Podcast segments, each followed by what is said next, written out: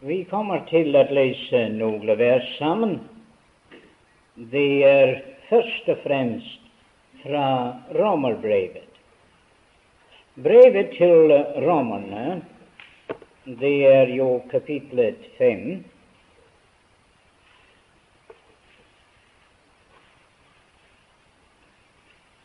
Brevet til romerne, kapitlet fem og det første vers.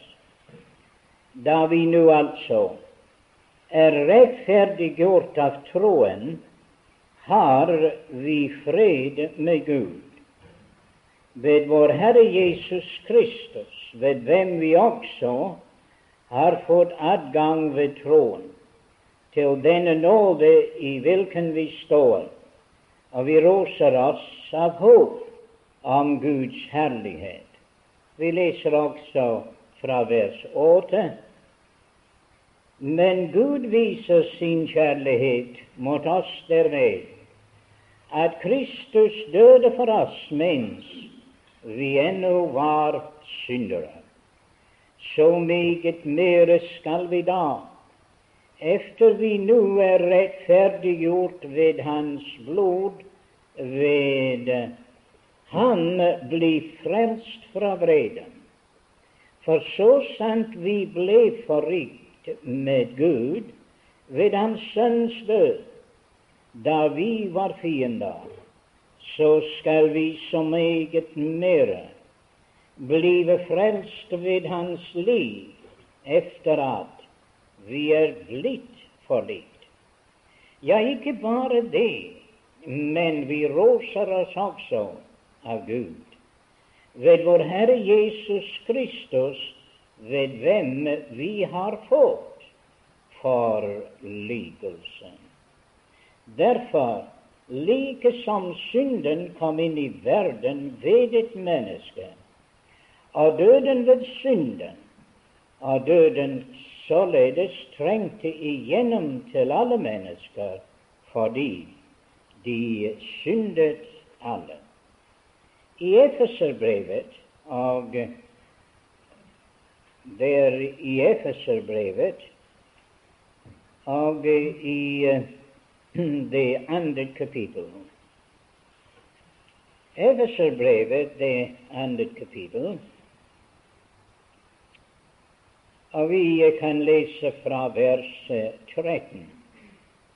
Men eh, nå i Kristus Jesus er vi, som fordom var langt borte, kommet nær til ved Kristi blod.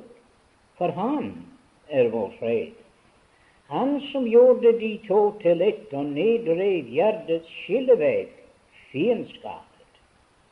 I det at han ved sitt kjød avskaffet den lov som kom med bud og forskrifter, for at han ved seg selv kunne skape de to til et nytt menneske i det han gjorde fred, og forlike dem begge i et legeme med Gud ved korset, i det han på dette drepte fiendskapet. Og han kom og forkynte fred for eder som var langt borte, og fred for dem som var nær ved. For ved ham har vi begge adgang til Faderen i en ånd. Så I er da ikke lenger fremmede utlendinger, men I er de helliges medborgere og Guds uh, husfall. I som er bygget opp på apostlenes og profetenes grunnvalg, mens hjørnestenen er Kristus Jesus selv i hvem hver bygning føyes sammen og vokser til et hellig tempel i Herren, i hvem også i bygges opp med de andre til en Guds bolig i ånden. Så i Kolossenserbrevet vi finner et par ord der. I det første kapittel, brevet til kolossenserne, og vi kan lese fra vers 17 vers 17. Og han er for alle ting, og alle ting står ved ham. Og han er hovedet for legemet, som er menigheten. Han som er opphavet den førstefødte av de døde, for at han i alle deler skulle være den ypperste. For det var Guds vilje at hele hans fylde skulle ta bolig i ham og ved ham, og forlike alle ting med seg, idet han gjorde fred ved hans korses blod, ved ham, enten det er de på jorden eller de i himmelen. Og så er det som fordom var fremmede og fiender. Ved eders sindelag i de onde gjerninger, eder, har han nå forlikt i hans jordiske legeme ved døden, fra å fremstille eder hellige og ulastelige og ustraffelige for hans åsyn. Det er også et par vers i Korinterbrevet. I det andre brev til korintierne, andre brev av vers 14, der står det For Kristi kjærlighet tvinger oss. Ja, det andre Korinterbrev, kapittel 5, kapittel 5, av vers 14. For Kristi kjærlighet tvinger oss, idet vi har oppgjort dette med oss selv, at en er død for alle, derfor er de alle døde. Og han døde for alle, for at de som lever, ikke lenger skal leve for seg selv, men for ham, som død er død og oppstanden for dem. Derfor kjenner vi fra nå av ikke noen efter kjødet. Har vi òg kjent Kristus efter kjødet, så kjenner vi ham dog nå ikke lenger således.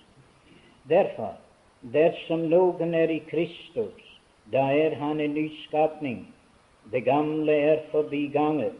Se, alt er blitt nytt, men alt dette er av Gud, som forlikte oss med seg selv ved Kristus fordi Gud i Kristus Jeg tror at den engelske oversettelse er fordi at Gud var i Kristus og forlikte verden med seg selv, så han ikke tilregner dem deres overtredelse, og har nedlagt i oss ordet om forligelse. Så er vi da sendebud i Kristus sted som om Gud selv formante ved oss. Vi ber i Kristus sted, la dere for likes, like med Gud. Han som ikke visste av synd, har han gjort til synd for oss, for at vi i ham skal blive rettferdige for Gud. Må Herren da rikelig velsigne for oss lesningen av sitt dyrebare ord.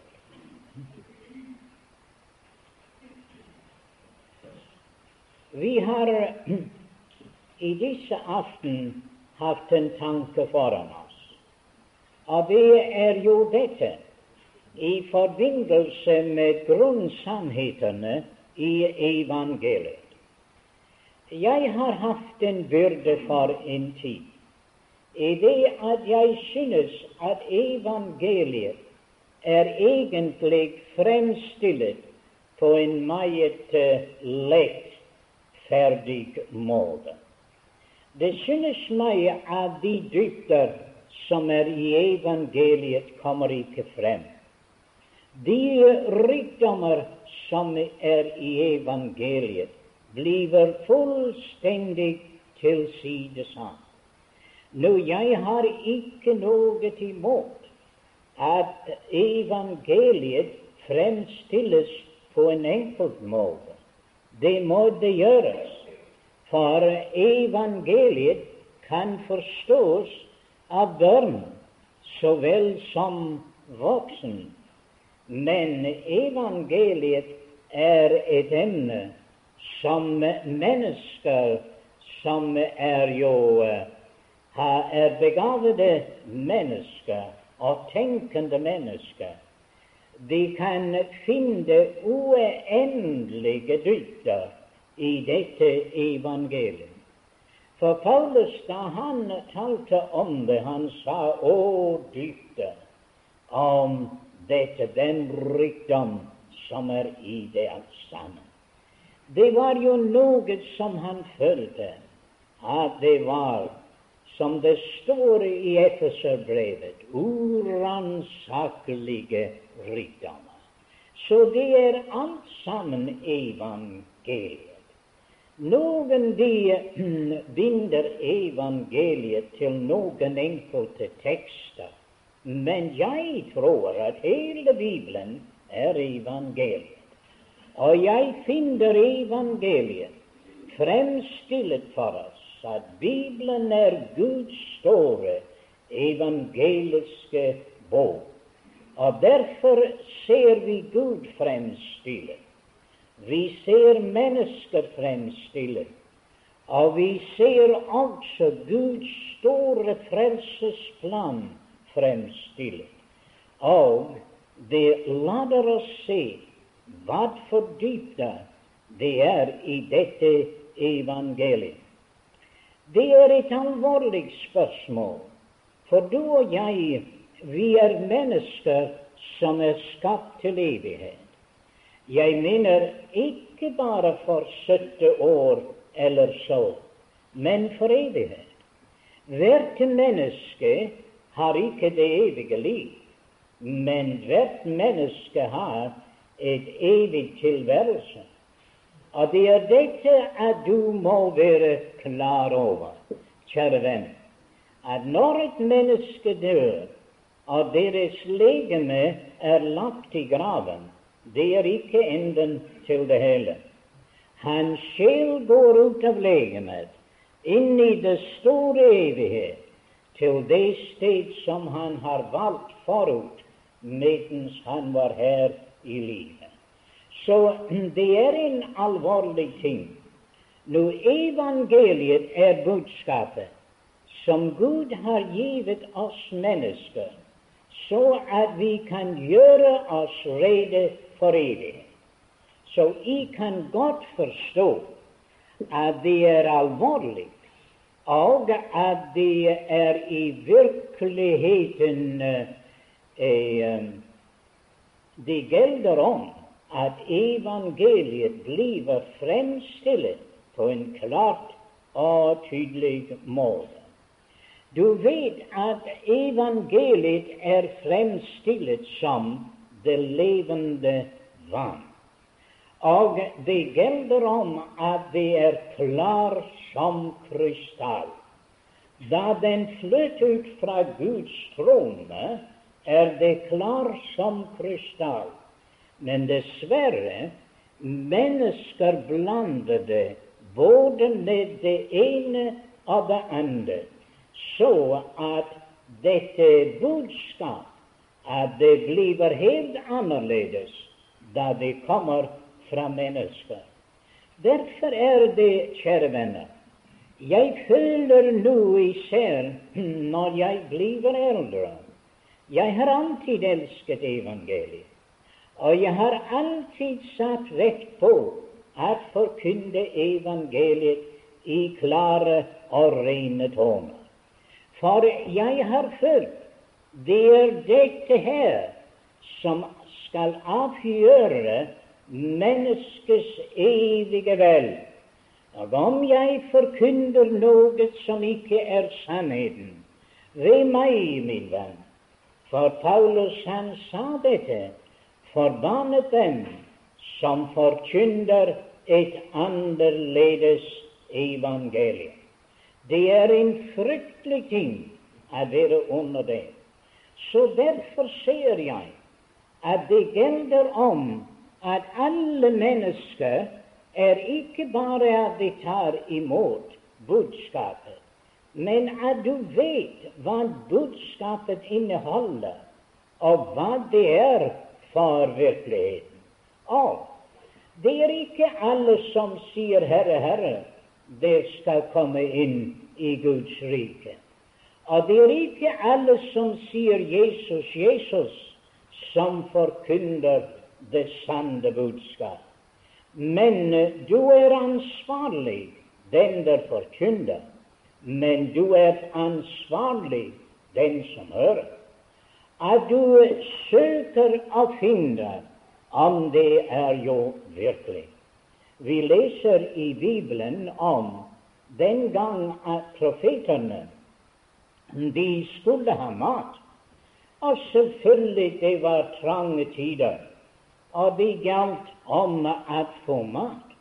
Så de satte en store gryte på, og da var det at alle skulle hjelpe med å få mat i gryta. Jo, og der var jo noen Det synes de hadde så litt, tenker jeg, og andre også synes det var jo så litt. Men det var en herre til stede. Han var helt ovenpå det hele. For han synes han samlet en masse. Jo, jo, og han kom, og han skar den opp i gryten. Men så var det da noen av profetene begynte å smake på det. De var kyndige menn. De sier det er døden i gryten. Hva var i veien? Der var den gode i det, men det var også det dårlige. Og det var så meget av det dårlige ja, at der var døden i gryten. Men profeten, han gjorde noe. Han sier 'hent meg mel', og så kom han mel i gryden. Ja, det er sikkert Guds sannhet, den med. Og det var dette den motvirket den anden som var i gryden. Og Derfor er det at den som forkynner evangeliet, han kommer med mel for at den kan motvirke det onde som andre de søker at blande med evangeliet. Og derfor disse ting har ligget meg så veldig på hjertet. For som vi sa den første aften, du bygger et hus, og du bygger et hus for evighet. Og hvis du bygger det for sand, så blir du skuffet i den store og forferdelige tid. Når du kommer til døden og skal inn i evigheten, du vil finne at huset på sand, den består ikke. Men om du er bygget på klippen, og klippen er Kristus, og Kristus alene, ikke Kristus òg, men Kristus alene, da vil du finne at her er noe der består, og du vil med glede gå inn i Guds nærværelse fordi du var bygget på ditt håp for evighet var bygget på en klippe. Når dette gjelder i unge så vel som dem der er eldre, at det gjelder om å vite at det evangelium som du hører, er Guds sannhet, og at det evangelium som du hører, at du tar imot det som Guds sannhet, og at du bygger ditt håp på sannheten for tid og for evighet. Så derfor er det at vi eh, søker å finne i Skriften. Hva det virkelig er at Gud har stillet frem for oss å bygge på. Og da kom vi til den store og herlige sannhet om forsoningen. Nå, dette emnet, som jeg sa, er så sjelden omtalt av den grunn at emnet i seg selv er et herlig emne, men et emne som mennesker aldeles ikke kan forstå. Det er en guddommelig oppfinnelse. Det er noe som Gud selv har funnet ut av. Og det heter forsoningen fordi at det er og har med Gud å gjøre. Forsoningen for så vidt har ikke så meget med oss å gjøre. Forsoningen har med Gud å gjøre. Se, saken er jo den at Gud er hellig. Og Guds hellighet, se, Hans hellighet. Og det er dette vi kaller det for Hans hellige vrede. Du sier det forstår jeg ikke. At vrede kan være hellig. Jo, den kan. For Guds vrede er en hellig vrede. Se, om Gud han ville være over alltid med synd, så er det dette at hvor er Hans hellighet da? Men hellig synd er noe som Gud ikke kan tolerere. Han kan ikke tolerere i hans nærværelse. Og derfor er det at Gud er vred med syndere. Og syndere er under Guds vrede. Nå, du sier du blir ikke populær hvis du taler på denne måten. Det har jeg aldri vært, og jeg ønsker heller ikke å være. Men kjære venner, jeg er frelst fra den kommende vrede. Og det er dette som er så veldig for mitt hjerte, at jeg lærte den sannhet at Gud er vred mot synd. Og derfor er det han måtte, der måtte være en måte som Gud kunne blidgjøres, som han kunne, vi kunne sone for å komme frem for Gud. Men jeg fortalte siste aften om Jakob at han fikk en gave, og han brakte det til sin vrede broder Esau. Og han sier nå dette her skal sone min broder for min synd. Og da kan jeg komme. Da vil jeg, Jakob komme frem og møte sin broder. Forsoningen skulle gå i forveien. Og når den vrede hadde lagt seg, ja, da skulle Jakob komme frem. Men å, mine venner, sånn kunne man gjøre med en vred broder. Men du har ikke med en vred broder å gjøre. Du og jeg har med den hellige Gud å gjøre. Og hans, det står at vår Gud, han er en fortærende ild. Og derfor er det, min venn, der skulle noe mer enn bønn for å sone Gud. Der skulle mer enn gode gjerninger at forsone Gud. Der skulle mer enn ritualer at forsone Gud. Der skulle mer, mine venner, enn gavmildhet at forsone Gud. Tror du at du kan komme frem for Gud med noen av disse ting? Nei. Han sier det er blodet der gjør soning for synd. Intet annet enn blod. Og det viser seg at det var ikke det blod av alle de ofringer i Det gamle testamentet. For det står dette at uh, i disse syndofre Gud hadde ikke velbehag. Men så sier Jesus, jeg kommer for at gjøre din vilje, å min Gud. Gud fant på å bringe en forsoning selv. Han fant på dette, at det var hans hellighet forlangte Hans nåde og kjærlighet anskaffet. Det var intet der kunne sånne Guds vrede uten blodsutgytelse. Men det må være kostbare blod.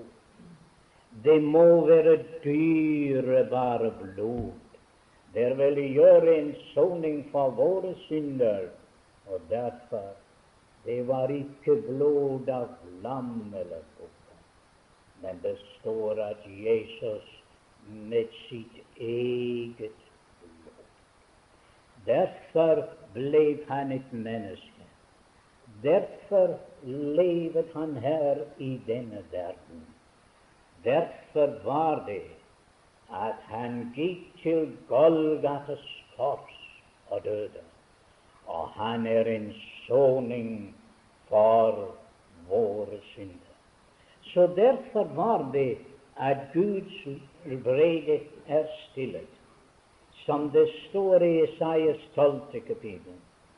Du var vred på meg, men nå er din vrede holdt opp.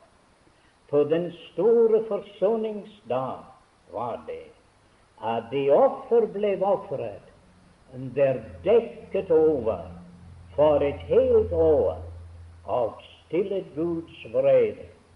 Men på Golgates kors var det at han stillet Kristus frem som en nådestol i hans blod.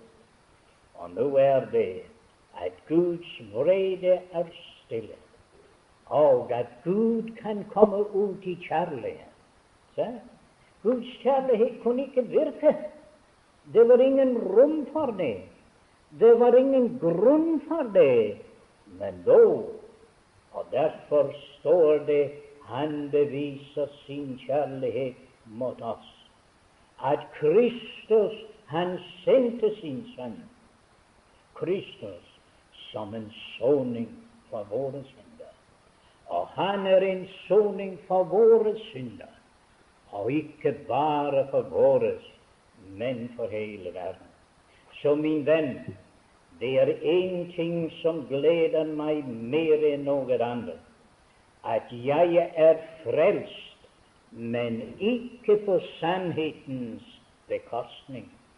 Ikke på rettferdighetens bekostning, men jeg er frelst på det at Guds rettferdighet og hellighet er tilfredsstillet, og at han kan på forsoningens grunnlag endog frelse den dypeste falden synder i aften. Dette er et herlig evangelium. Men dette er evangeliet som Gud han fremstiller det, at han således kan komme ut og frelse deg og meg. For husk på det at Satan sier til deg du er så god, du behøver ikke frelse. Men så, når du ser ditt eget hjerte og kjenner deg som Isaias, ved meg jeg er fortapt, ja, da er det at han sier til deg du er så dårlig det er intet håp for deg. Men kjære venn, han er en soning for våre synder. Ikke bare for våre menn, for hele verden. Og vi kan fortelle deg i Guds navn i aften at han er en soning for dine synder. Kom, min venn som du er, til Golgates lov. Kom på forsoningens grunnlag at Guds evige vrede er tilfredsstillet, og Gud vil frelse deg av nåde. Derfor er det at vi kommer til den tanke om forlikelse. Forsoningen er Guds side av saken. At Hans vrede den er egentlig stillet. Men forligelsen er egentlig kommer også fra Guds side, men det er grunnet på oss. Hvorfor oss? Jo, forstår det er ikke noen tall om forlikelse uten at det er behov for det. Det er ikke noen tale om så lenge at to uh, de går sammen i fred. Da er det ikke tale om forlikelse. Men forlik, det er grunnet på at det kommer fiendskap inn, uenighet og fiendskap. Og vet De, dette er jo det verste av alle ting. Da synden kom inn i verden, det var jo ikke synden i seg selv, men det kom med det noe som heter fiendskap. Er du klar over dette? At alt det fiendskap der er iblant mennesker, den kommer nettopp av den grunn at hele menneskeslekten er gått over til Guds fiende. Satan var Guds fiende. Han sa 'Jeg vil rive Gud fra sin trone'. 'Jeg vil stige opp selv på Guds trone'. Han ville være Han var Guds fiende. Han ville selv være Gud. Det er fryktelig. Veldig mektig fiende, men ikke allmektig. Men så er det at da synden kom inn i verden, og Adam og Eva gikk over til Satans side, og hele slekten vi ble født inn iblant Guds fiender. Vi kan ikke gjøre for det, fordi vi var født fiender. Vi var født fremmede. Vi var født langt borte fra Gud. Nå, dette er jo ikke så ofte omtalt. Vi hører dem si til de unge i skal ikke vende eder borte fra Gud, men du var født borte fra Gud. Og min venn, du er født med et fiendtlig natur, et syndig natur. De kaller det for arvesynd. Men kjære venn, vær klar over dette. Det er intet kan røre med deg og fjerne det fra ditt hjerte uten en sann omvendelse. Og at det er derfor det står at du må bli født på ny. For det gamle duer ikke for Gud. Du må være født på ny. Men det er et annet emne. Men saken er den du er født med din fiendtlige natur. Det er derfor da den fiendskap den kommer ut iblant mennesker. Og vet De hva? Jeg har en følelse som om at den går enda dypere ned til selve dyrene. Jeg har ofte undret meg over når man eh, kaster et stykke brød ut til stedene, hvordan de slåss med hverandre om å få det. Hvor kom dette fra? Jeg tror ikke som de sier vi er som Gud skapte oss. Aldeles ikke. Det er kommet inn i mennesket og i slekten, og det står også at hele skapelsen sukker og venter på Guds børns forløsning. Ja, der kommer en dag da alt dette skal bli forandret. Og hvordan i det tusenårsrike endog et barn skal kunne leke med det vilde dyr. Hva det skjer? Jo, det er dette at fiendskap er en resultat av synd.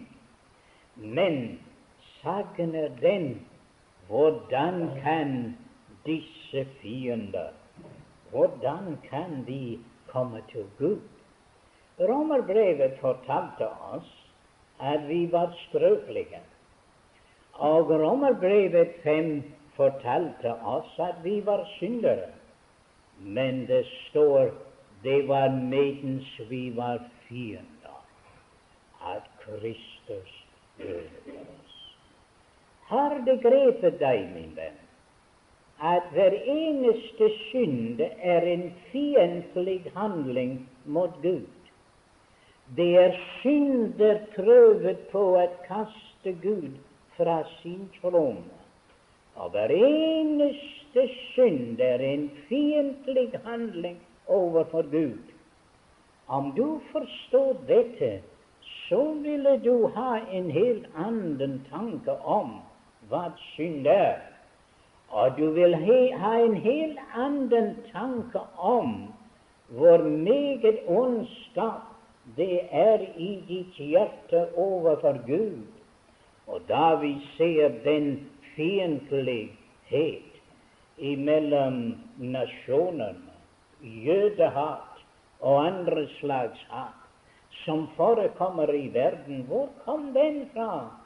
Den kom fra den store erkefiende Satan. Da han fikk mennesket i sin makt, han så det den hat, den fiendskap, i hans hjerte. Ja, men hva skal vi så gjøre? Kan disse fiender kan de blive venner med Gud? Kan de blive Guds venner? Og vet du, Gud hadde skapt dem. Og nå vendte de Gud ryggen. De, han hadde skapt dem, men de stod i opprør med ham. Og du kan tro det om du vil, min venn, men det er en veldig kamp mellom mørkets makt og lysets makt. Det står i åpenbaring der var strid i himmelen. Hva sier du? Strid i himmelen.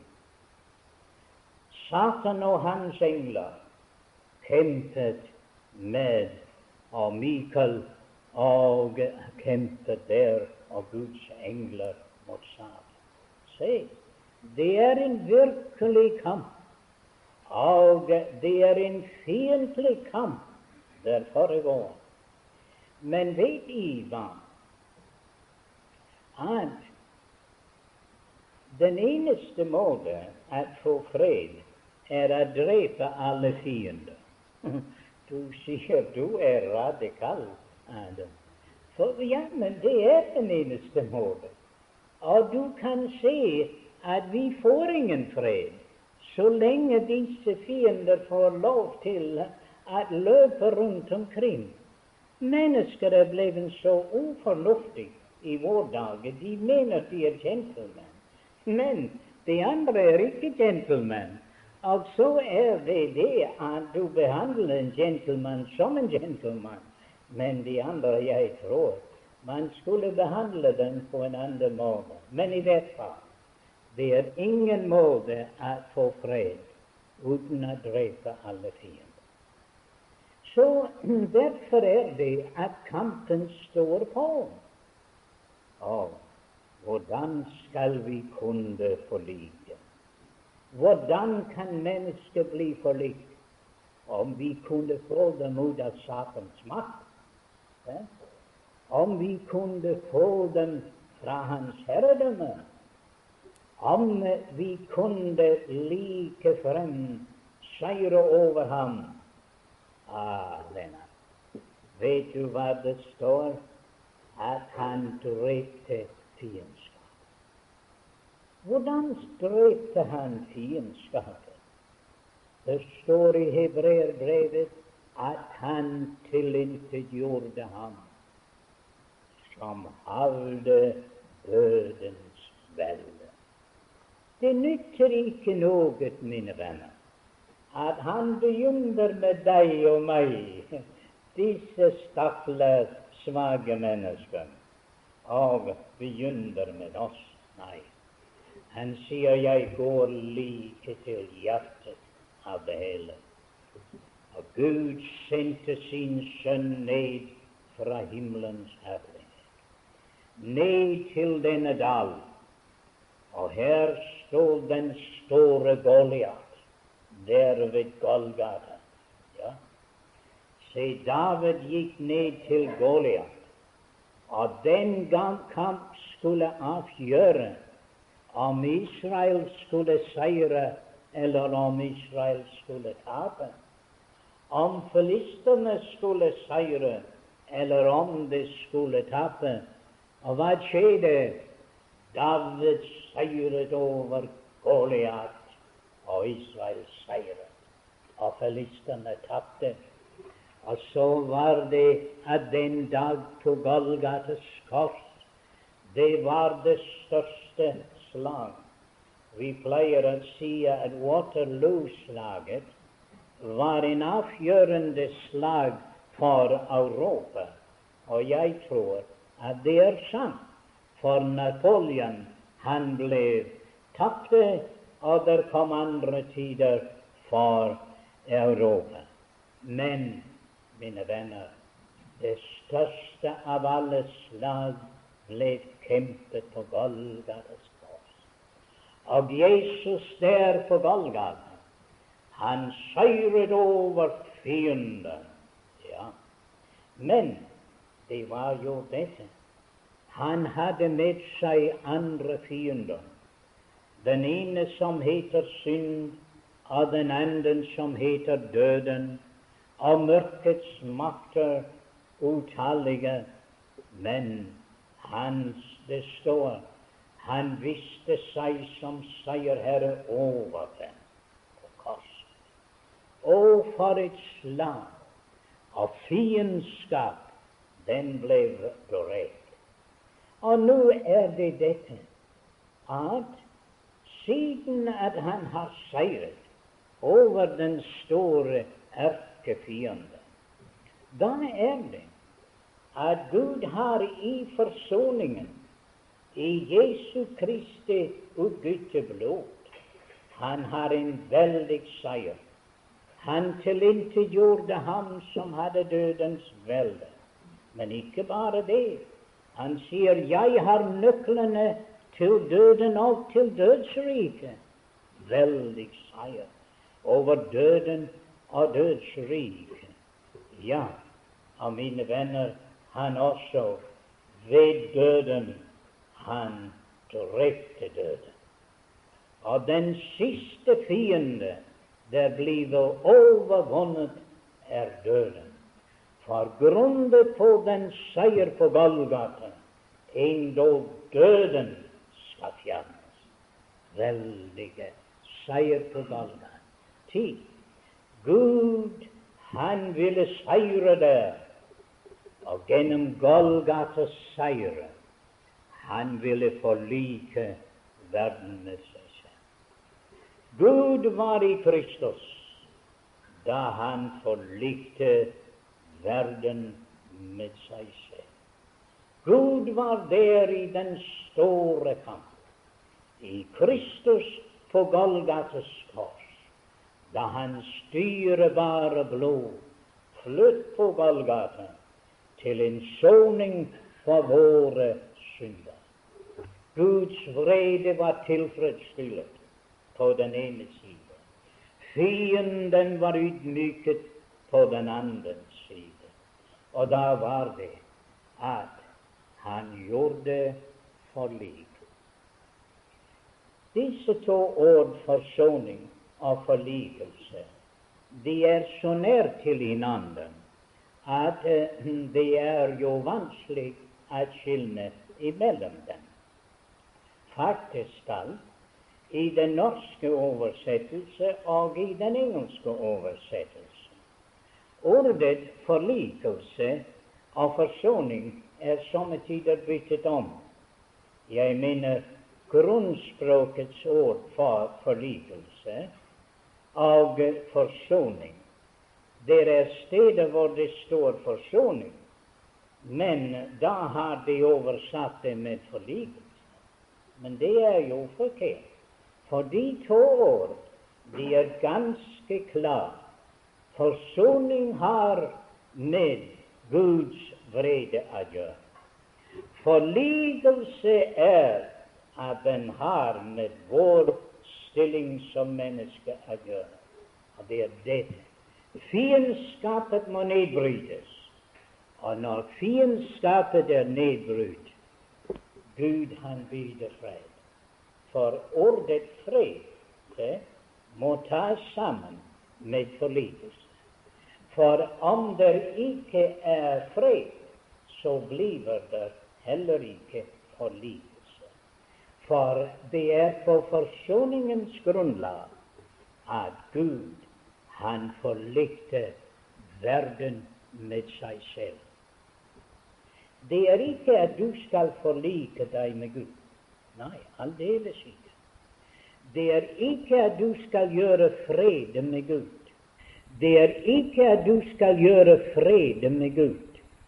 Aldeles ikke.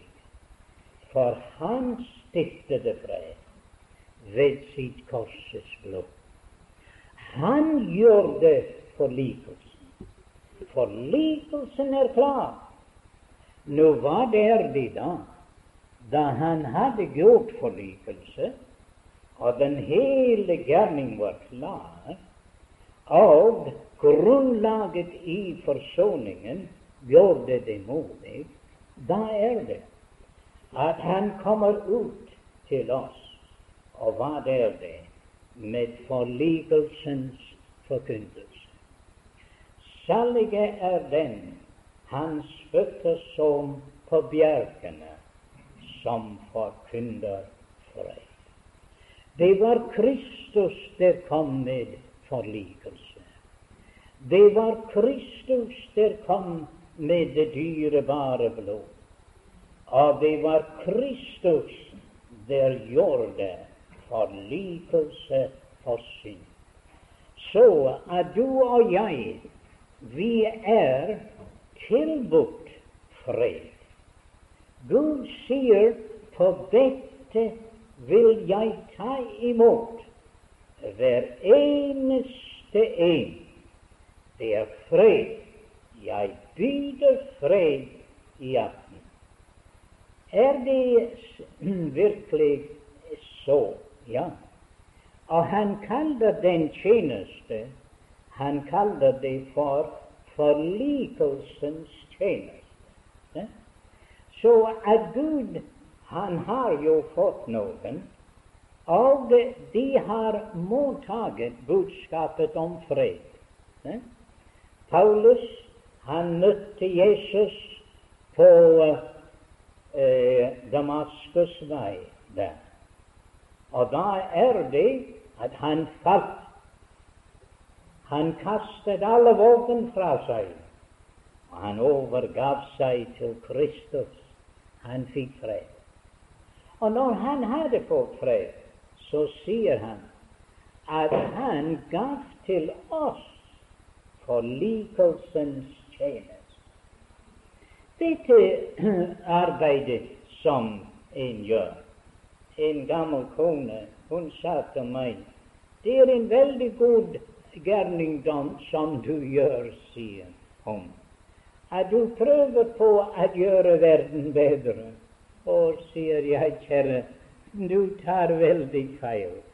Jeg er ikke ute for å gjøre verden bedre.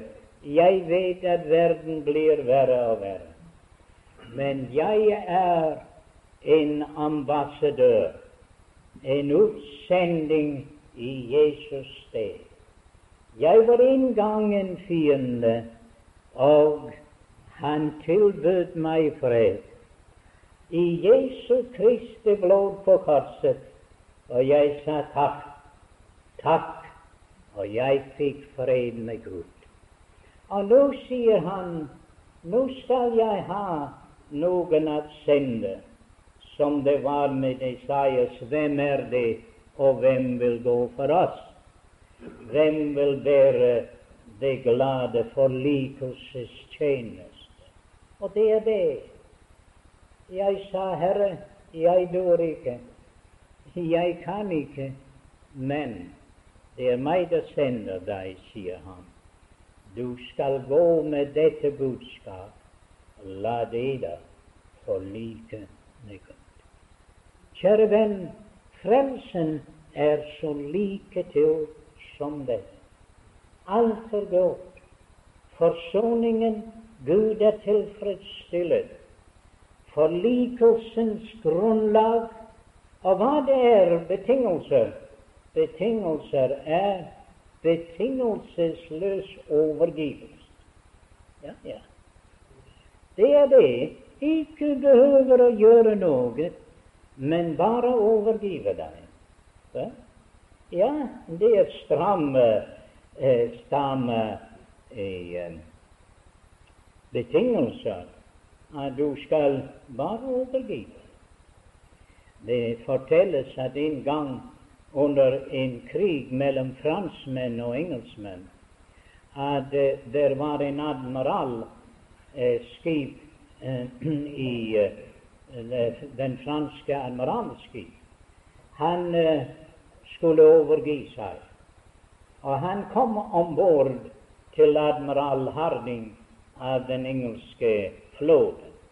Og så kom han, som de pleide å gjøre, med hånd på sverd og marsjerte inn for den engelske admiral og ville gi ham hånden. Den engelske eller, admiral han sa Your sword fast, please. Han må legge våpen ned. Sverdet først. sa han.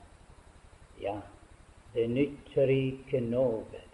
Den som har holdt opp å kjempe mot Gud, og kommer som en stakkars synder, og lader seg forlike med Gud.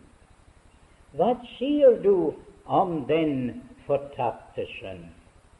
Var det han der gjorde forlik med Faderen? Eller var det Faderen der gjorde forlik? Å, sier du, den fortapte sønn, han hadde valgt sin fader sjøl. Men da han kom til seg selv, og han ga opp at kjempe lenger, da han kunne ikke mer, da kom han til sin fader. Og hva fant han? En vred fader? Nei.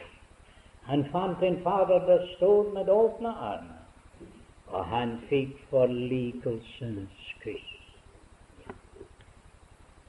Fred mellom disse to.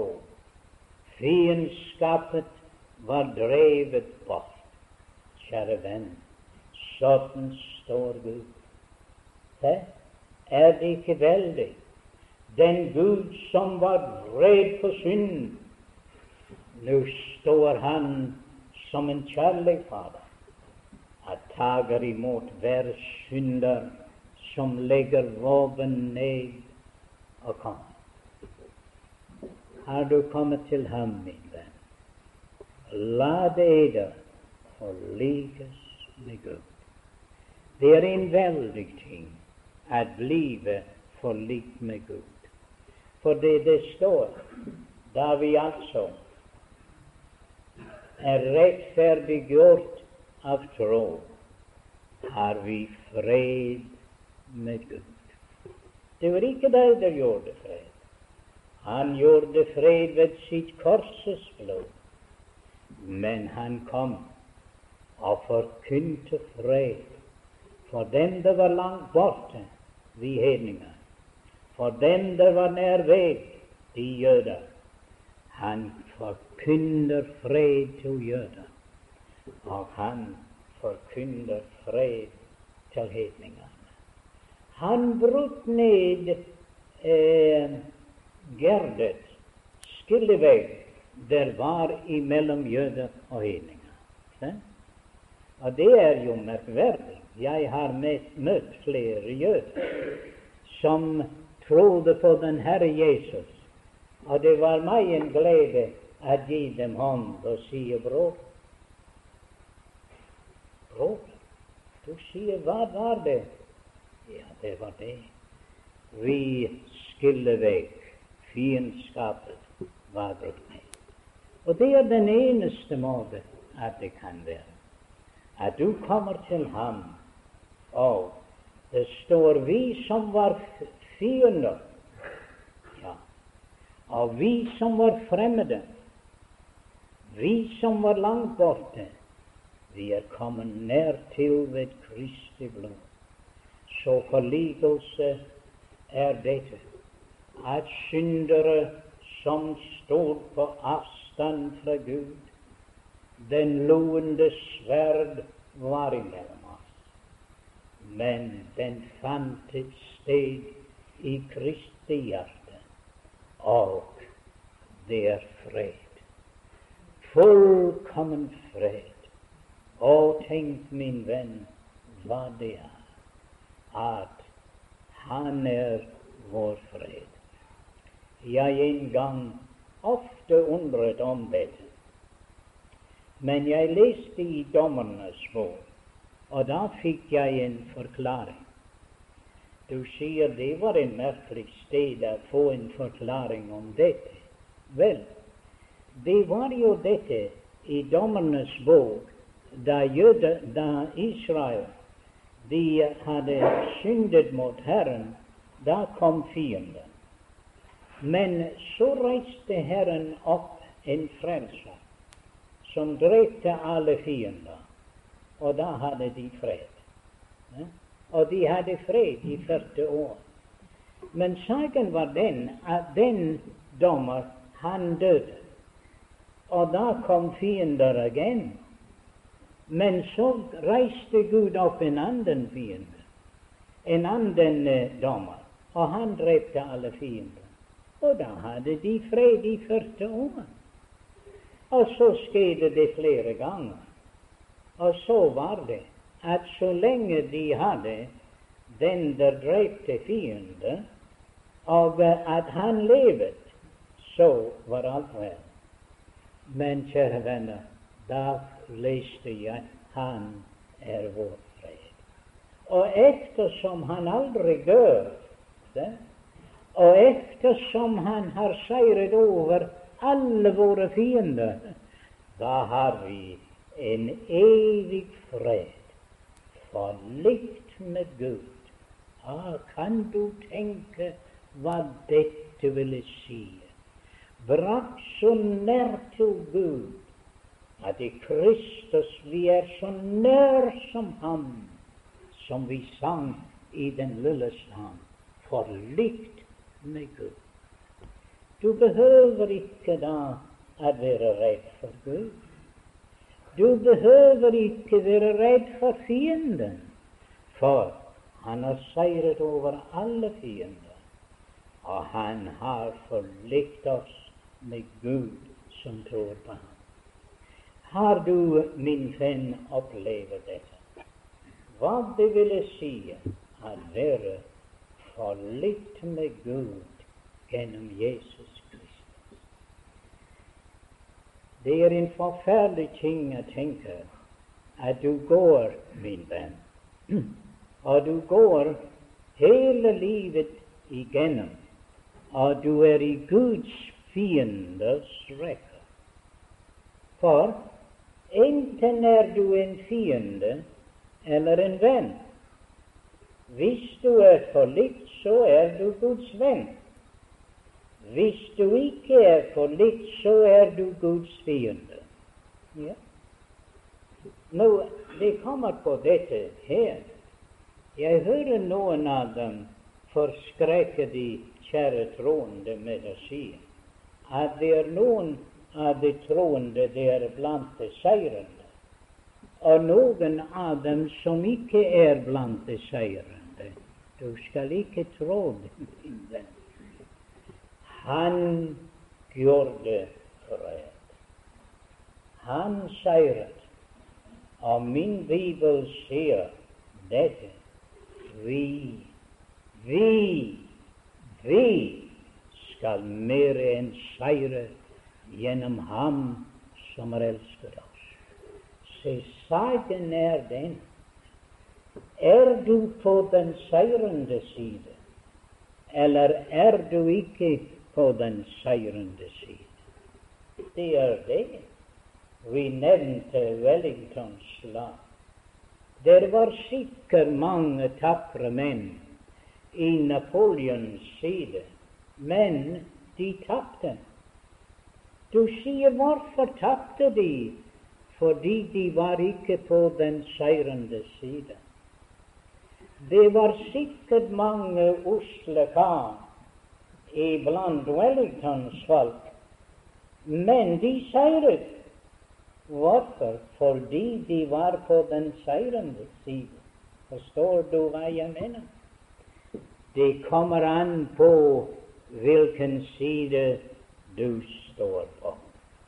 Og jeg vil ikke være min venn i din stilling.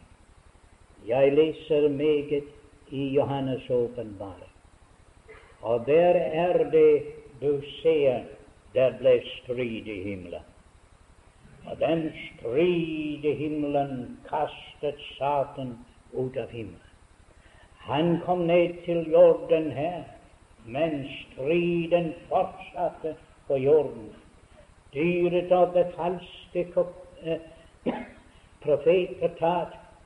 De er kastet i ildsjøen. Satan er tatt, han er bommet.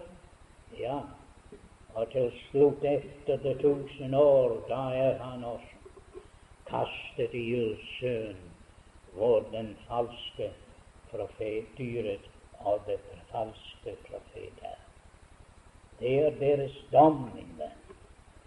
De skal tape slaget.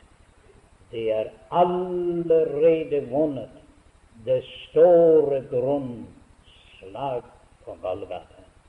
Og gjennom det skal Kristus seire. Vil du være på den seirende side? Han som seiret over døden og helvete. Vil du være på hans side? Vi skal mere enn seier. Så vil du bli forlikt med ham, så kan jeg love deg fred i ditt hjerte. Så kan jeg love deg en evig seier gjennom ham som elsker oss.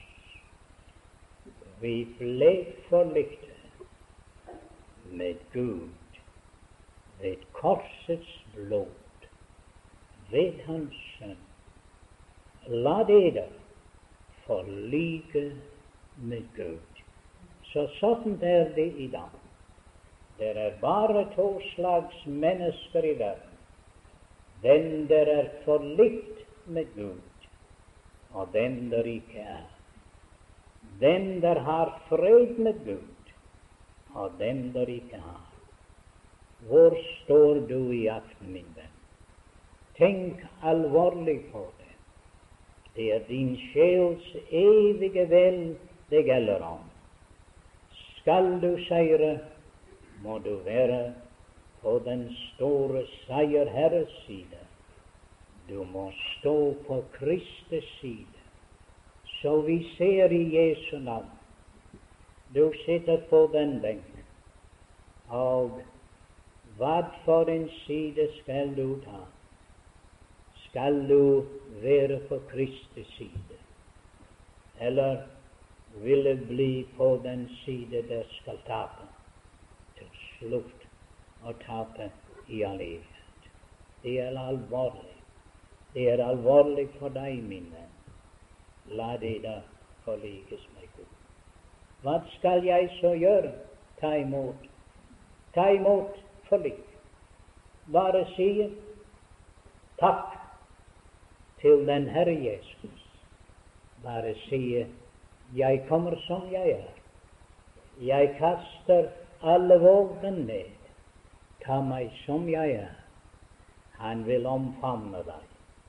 Forlikelsens kyss tro på den Herre Jesus Kristus, så skal du bli frelst.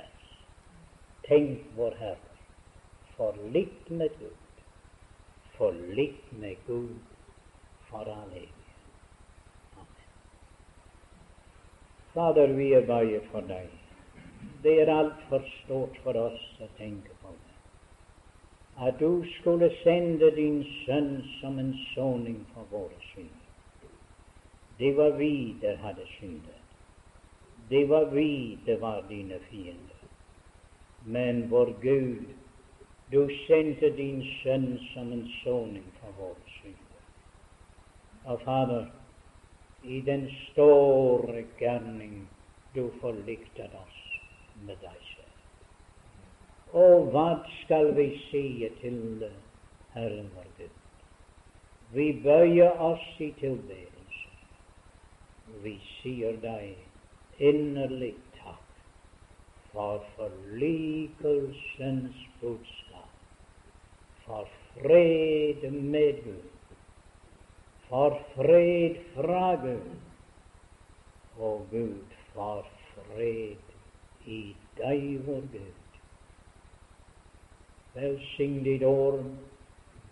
Er det en sjel her i aften, Fader, som vil bøye seg for? Ta imot fredstilbud. Herre, la det skje i aften. La det da forlikes med Gud. Så hør du vår bønn, i vår Herres Jesu navn.